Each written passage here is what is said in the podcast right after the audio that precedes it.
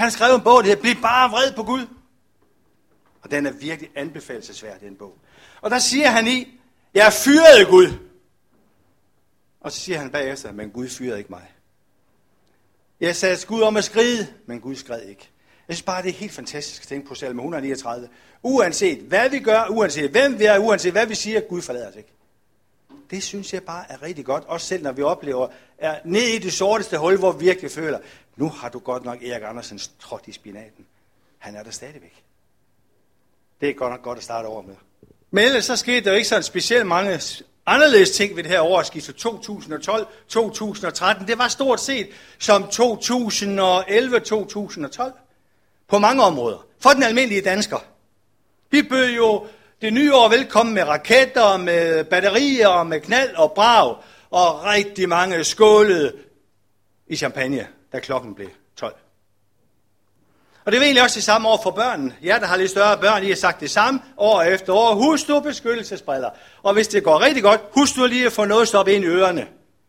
Og så husk, lille ven, lad nu være med at gå bag, tilbage til en fuser.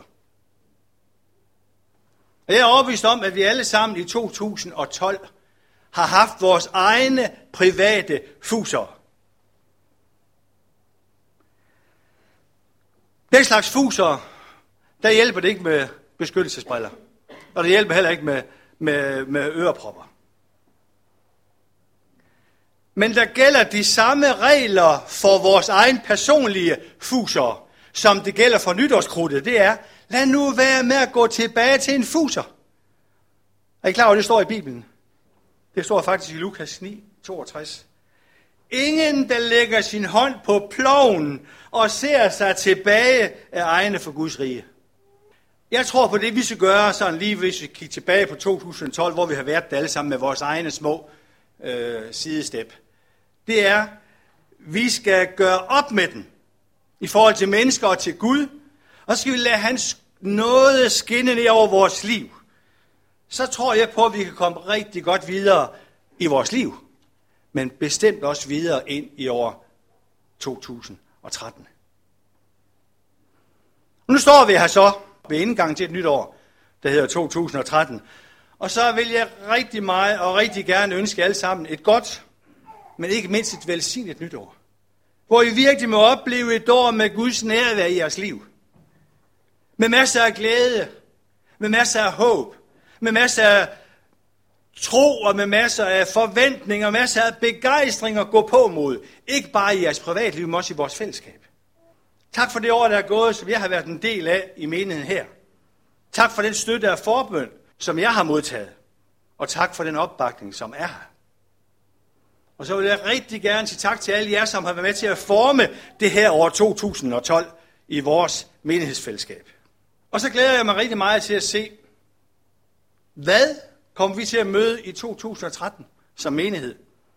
Og jeg synes, der ligger rigtig mange spændende ting at vente, ikke mindst når vi får nået frem til 1. august, hvor vi skal ansætte en ny præst. Det er rigtig, rigtig spændende. Vi kender ikke fremtiden. Og det er nok godt nok, at vi ikke gør det. Men en ting, det ved vi. Vi ved, at Gud er med os, uanset hvordan det ender. Uanset hvad der sker i vores liv. Uanset hvad der sker i menighedens liv. Gud vil aldrig stikke af fra os. Uanset om vi fyrer ham, uanset hvad der sker i vores liv, når vi ikke kan finde ud af livet. Når vi oplever det her med, at vi kan blive vrede på Gud, ligesom Preben Kok han siger, bliv bare vred på Gud. Han stikker ikke af. Han er der, han forstår os, når vi bliver frustreret i vores liv.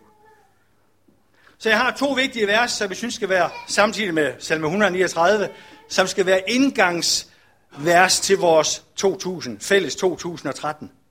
Det første er fra Romerbrevets 8. kapitel, vers 31. Er Gud for os? Hvem kan så være imod os? Det synes jeg er ret godt at starte på. Prøv så at høre, hvad det bliver fuldt op med. Matthæus 20, 28. Jeg, og det er Jesus, der siger det, er med jer alle dage. Ikke bare i næste uge, eller i år 2013. Alle dage indtil verdens ende. De her to vers er for mig at se virkelig godt nok dejligt at starte et år på. Eller starte en dag på. Eller bare have i mit liv. Men så er det så spændende, så kan vi så prøve at kigge tilbage på, hvad skete der egentlig i 2012? Hvad er vi egentlig fælles om i vores land? Eller i vores verden? Hvad er det, der har været overskrifter igennem det år, der er gået. Nu kan vi se, om vi kan huske nogle af de ting, jeg prøver at nævne her. Danmark overtog formandskabet i EU. Hmm, det kan være interessant nok, men det gjorde de. Kan I huske, Costa Concordia gik på grund i Italien. Mennesker druknede. Kan I huske også, at dronning Margrethe har 40 års jubilæum? Noget, der er meget vigtigt nu. De danske herrer i håndbold, de vandt EM. Det er 100 år siden Titanic sank. McKinley Møller døde her, 98 år gammel. Og så var det den her sommer her, hvor der blev indført ved lov, at øh, man kunne vige homoseksuelle i folkekirken. Så var der også Pia Kærsgaard. Der var Ville Søvendal, som forlod deres stillinger som formand i deres partier. Og så trådte lukkeloven i kraft. Nu kan man så holde åben hele ugen rundt, og hele året rundt. Så var der ham, den præsident Barack Obama, som jo blev genvalgt for fire år. Og så var der den her 20-årige unge mand, der gik amok på Sandy Hook Elementary School i uh, Newtown. 20 børn mistede livet. Seks voksne. Så var det den 21. december, hvor majernes kalender den stoppede. Men jorden gik jo ikke under alligevel.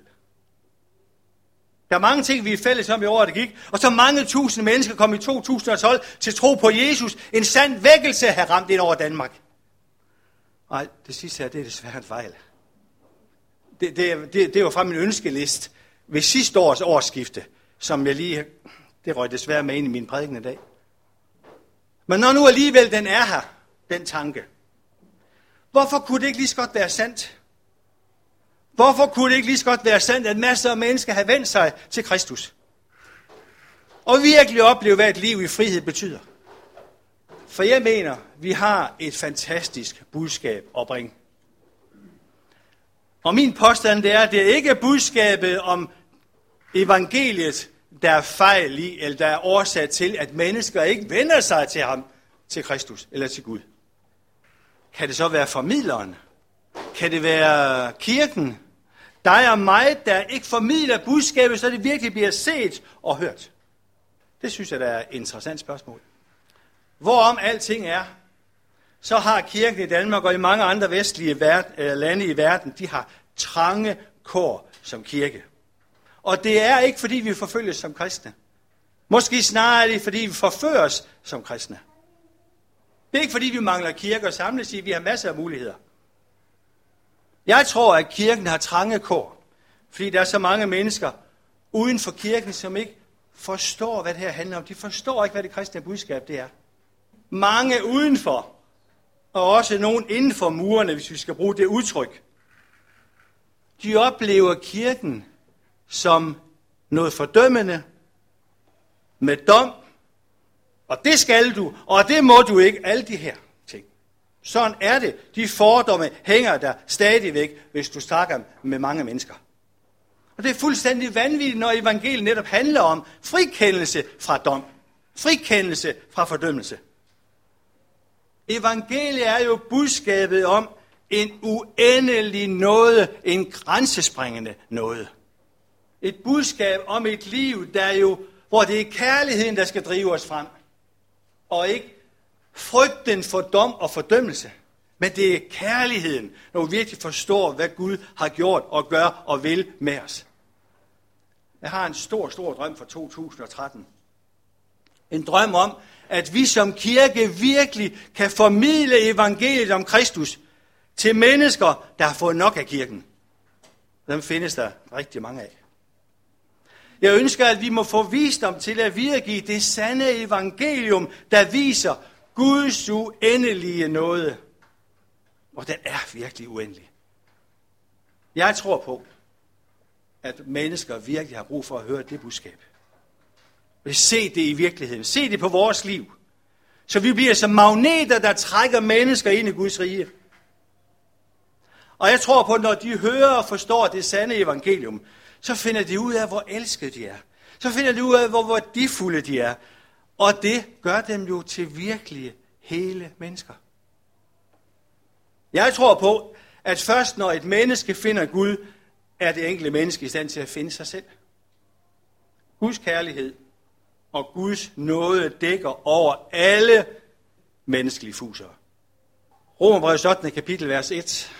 Men der er ingen fordømmelse for hvem? For dem, som er i Kristus Jesus. Hvem er den, der er værst til at fordømme os? Har du sådan også? Der er ingen fordømmelse for dem, som er i Kristus Jesus. Det synes jeg godt kan være overskriften for, hvor fantastisk Guds nåde den er. For mig at se, så er Guds nåde så vidtrækkende, at jeg ikke fatter det. Jeg fatter ikke storheden af det. Jeg fatter ikke grænserne, eller netop de grænser, der ikke er der. Jeg tror på, at hvis ikke, eller når vi ikke forstår dybden af Guds nåde, så er der risiko for, at vi kommer til at hænge fast i livet. Fordi der er ingen af os, der undgår at lave fejl i det her liv. Der er ingen af os, der undgår at mislykkes på områder. Og hvis ikke vi virkelig forstår dybden af Guds nåde, hvordan den rækker ind over vores liv, så tror jeg, der er risiko for, at vi kommer til at hænge fast i livet. Masser af mennesker, tror jeg, oplever, at selvom også der er sol og varme, selvom også Guds nåde stråler ind over den, så har de alligevel det indvendigt som et isbjerg på en kold vinterdag. Selvfordømmelse, tungsind, af mange forskellige årsager er ind over mange mennesker, også i kristne menneskers liv. Jeg tror ikke på, at det er Guds vilje. Julens budskab fortæller om, at Jesus blev sendt til den her jord for at sætte mennesker i frihed. For vi skal leve et liv i frihed. Med glæde, med opløftede øjne, hvor vi tør både at se Gud og mennesker i øjnene. Den første gang Jesus han prædiker, det gør han i Nazareth i synagogen, der taler han profetisk. Fordi Esajas i kapitel 61, vers 1 har sagt nøjagtigt det samme, som Jesus han siger her. Jesus han siger, Herrens ånd er over mig, fordi han har salvet mig. Han har sendt mig for at bringe godt budskab til fattige, for at udråbe frigivelse for fanger og syn til blinde, for at sætte undertrykte i frihed og for at udråbe et noget over for Herren, og så klapper han Bibelen i. Hvis du går tilbage og kigger i Esajas 61, så går Esajas videre og snakker om Guds straf, men her har Jesus lukket bogen i. Et nådeår fra Herren. Det er jo helt vildt at tænke på, hvad der sker her. Jeg vil godt høre fra jer, hvordan har I det selv med virkelig at forstå Guds nåde? Så kan I sige, hvordan jeg har det. Og jeg ønsker bare så meget mere at få lov til at mærke og forstå, hvor stor og fantastisk den er. Og jeg tror, det vil forandre mit liv til at blive en eksplosion af glæde og begejstring. Det tror jeg virkelig på. Så jeg virkelig, der er ting, ligesom Paulus siger, der er nogle ting, jeg stykkevis hvor erkende. Men det var fint, det godt nok gerne dybt i mit hjerte, så jeg virkelig kunne, wow, det her det er for stærkt. Jeg er nødt til, jeg må simpelthen fortælle, at det her det er vildt og fantastisk. Jeg tror på, at en lille række af citater, en lille, lille samtale mellem en forfatter, som har skrevet en bog, der hedder Noget en vejen til frihed. Han har prøvet sådan at definere, hvordan kan jeg prøve at samtale med Gud om det her med nåden. Den har jeg i hvert fald, når jeg læser den, lært rigtig meget af. Og så vil jeg, jeg godt tænke mig, prøv lige at tænke sig, hvis det kom ud af jeres mund, det her, jeg læser nu, eller af min mund. Men prøv at tage det på dig selv og tænk, hmm, det kunne godt være sagt af mig det her. Eller kunne det? Gud, nu er jeg syndet igen. Gud, jeg orker ikke mere. Herre, jeg beder dig, komme med dit lys og din varme og helbrede mit indre. Siger du, jeg skal begynde på ny? Fuldstændig som om jeg var blevet født i dag. Helt uden fejl. Og jeg som troede, at det var ude med mig. Er det virkelig sandt, herre? Mine øjne fyldes med glædestårer. Der er noget nok for dig, min ven, siger du. Noget nok? Hvor jeg elsker de ord, de oser af kærlighed. De indeholder alt det, jeg har brug for. Jeg vil råbe det ud på gader og stræder.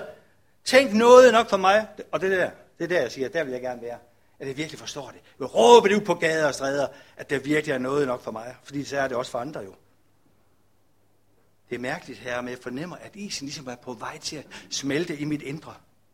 Jeg ser en smuk, sommerfuld lette. Det er dig, siger du. Mig, herre, er jeg virkelig så skøn og så ren og så fri til at flyve? Er det muligt, herre? Er nåden så stor? Din tilgivelse så udslættende, din renselse så ren, dit lys og din varme så skøn? Tilgiv mig, at jeg tvivler på din nåde, også galt for mig. Om jeg viser mig selv noget? Åh, oh, ja, jeg må godt nok indrømme, at der er tider, hvor jeg ikke gør det. Jeg sætter mig selv til dommer og er hård mod mig selv. Der er noget nok også for det, siger du. Men hvordan med de andre? Viser du andre noget? Ja, du ser det også alt.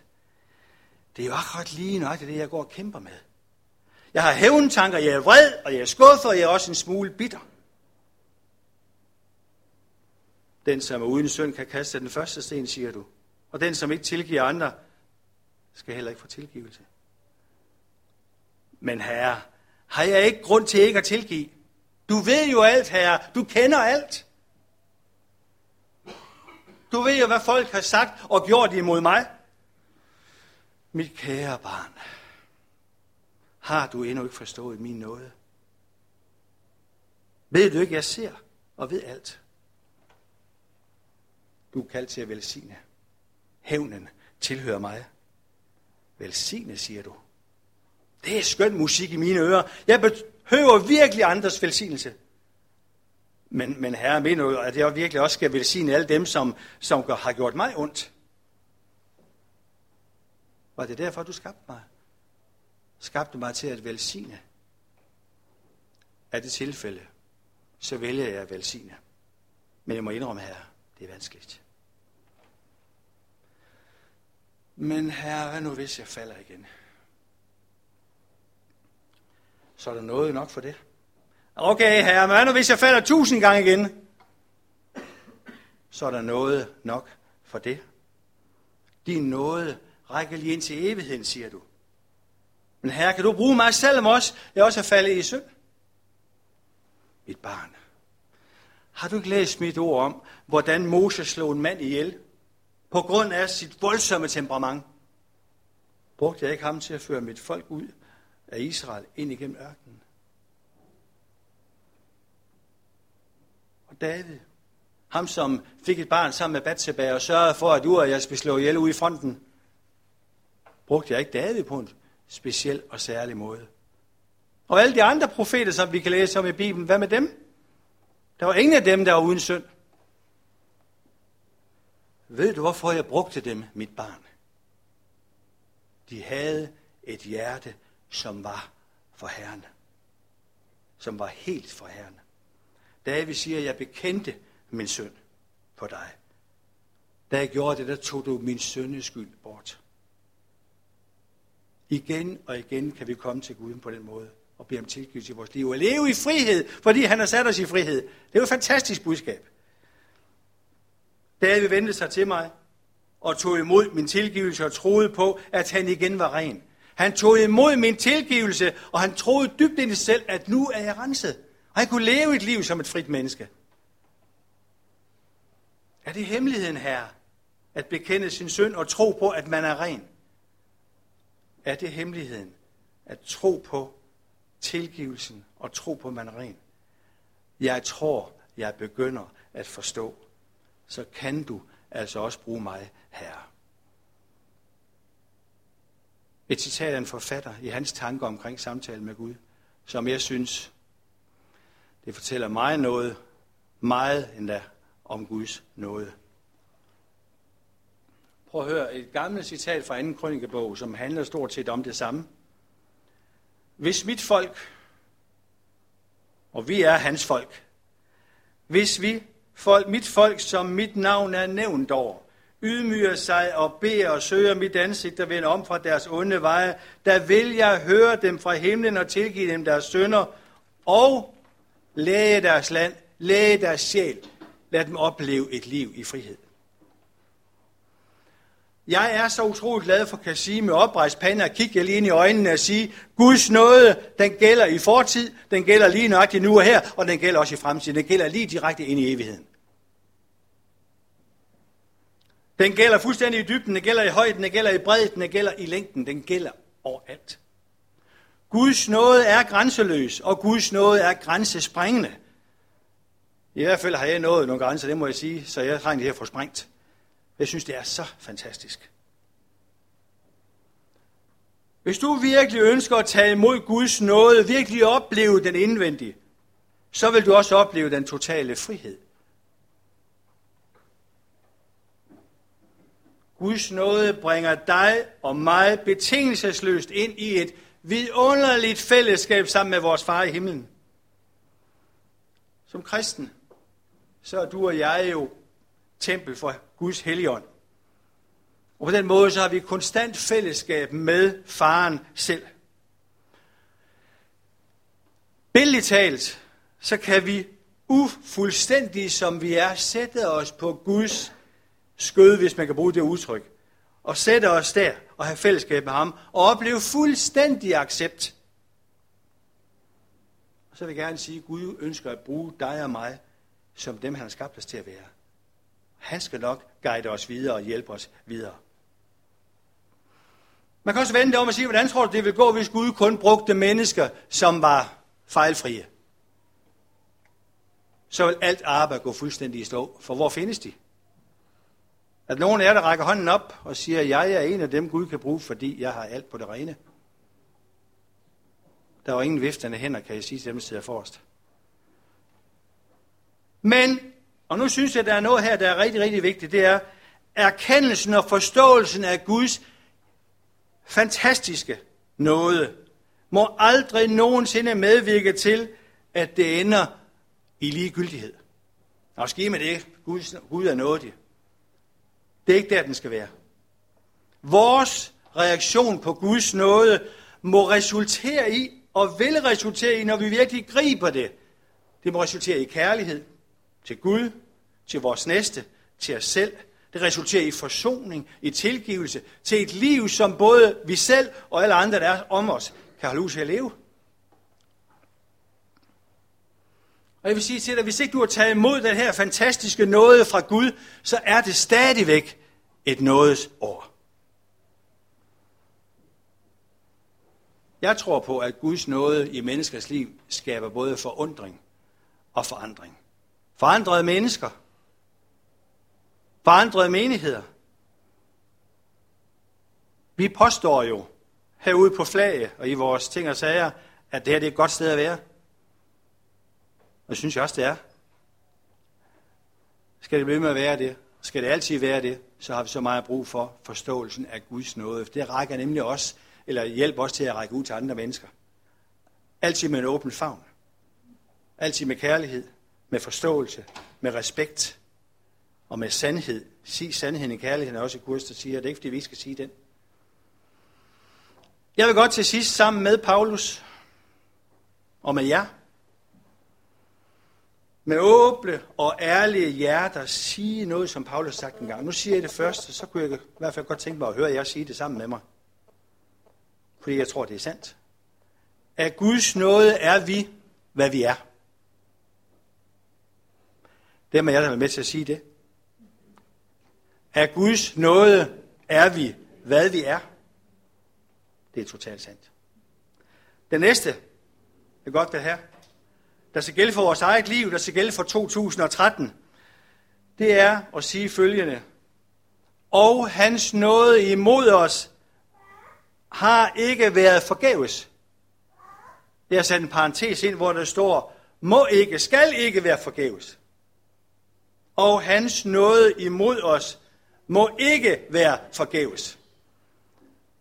Det må aldrig være en billig noget, og det er ikke en billig noget. Det har kostet Jesus livet. Det har kostet ham alt og vi får det hele gratis. Og det er risikoen ved, at det er gratis måske. At vi ikke selv kan gøre et eller andet for det. Det ligger i vores menneskelige natur. Vi gerne vil gøre noget selv, så vi har noget at klappe os selv på ryggen af. Det kan vi ikke her. Jesus har gjort det. Men det må aldrig blive en billig noget. Det må drive os til. Kærligheden må drive os. Aldrig alt muligt andet. Og så vil jeg gerne blive en bøn. Du, som har vilje mit liv og skabt mig efter din vilje. Alt i mig kender du og omslutter med din ømhed det svage, såvel som det stærke, det syge, såvel som det raske. Derfor overgiver jeg mig selv til dig uden frygt og forbehold. Som et lærerkar stiller jeg mig i dine hænder. Fyld mig med godt fra dig, så jeg bliver til velsignelse. Jeg priser din visdom, du som tager ind til dig det, som er skadet og svagt, og lægger din skat i skrøbelige lærkar. Herre, tak fordi du har en enorm tillid til os. Og tak fordi, selvom også vi fyrer dig, eller forsøger på det, så lader du dig ikke fyre. Du forsvinder ikke, selvom også vi ønsker, at du skal forsvinde, og livet bliver svært for os. Tak, Herre, vi altid må kalde på dig på nødens dag, men også der, hvor livet lykkes for os. Der er vi rigtig glade, at vi har sendt, eller vi kan sende en taknemmelig tanke og bøn til dig for det fantastiske liv, du har givet os. Din nåde, Gud, er ubeskrivelig. Din nåde, Gud, er for mange af os uforståelig. Men jeg beder dig om, Herre, at vi i år, der ligger foran, mere og mere må få det indenfor, så vi kan få det ud igen. Så det kan blive til velsignelse for mennesker. Så de må se, at det ikke bare er ord, der kommer fra os, men det er liv. Et liv i frihed, så andre mennesker må sige, bare det var mig. Og jeg beder dig om, at det år, der ligger foran os, må blive et godt år for fællesskabet her. At nye mennesker må se, at her er det godt at være. Men det kan kun ske ved, at vi virkelig griber tingene for dig, at du ved din ånd bevæger dig imellem os, taler til os, retleder os og vejleder os. Og jeg beder dig om, at vi må være en menighed, der har ører, der hører, hvad du siger til os. Og ikke bare hører, men handler efter det.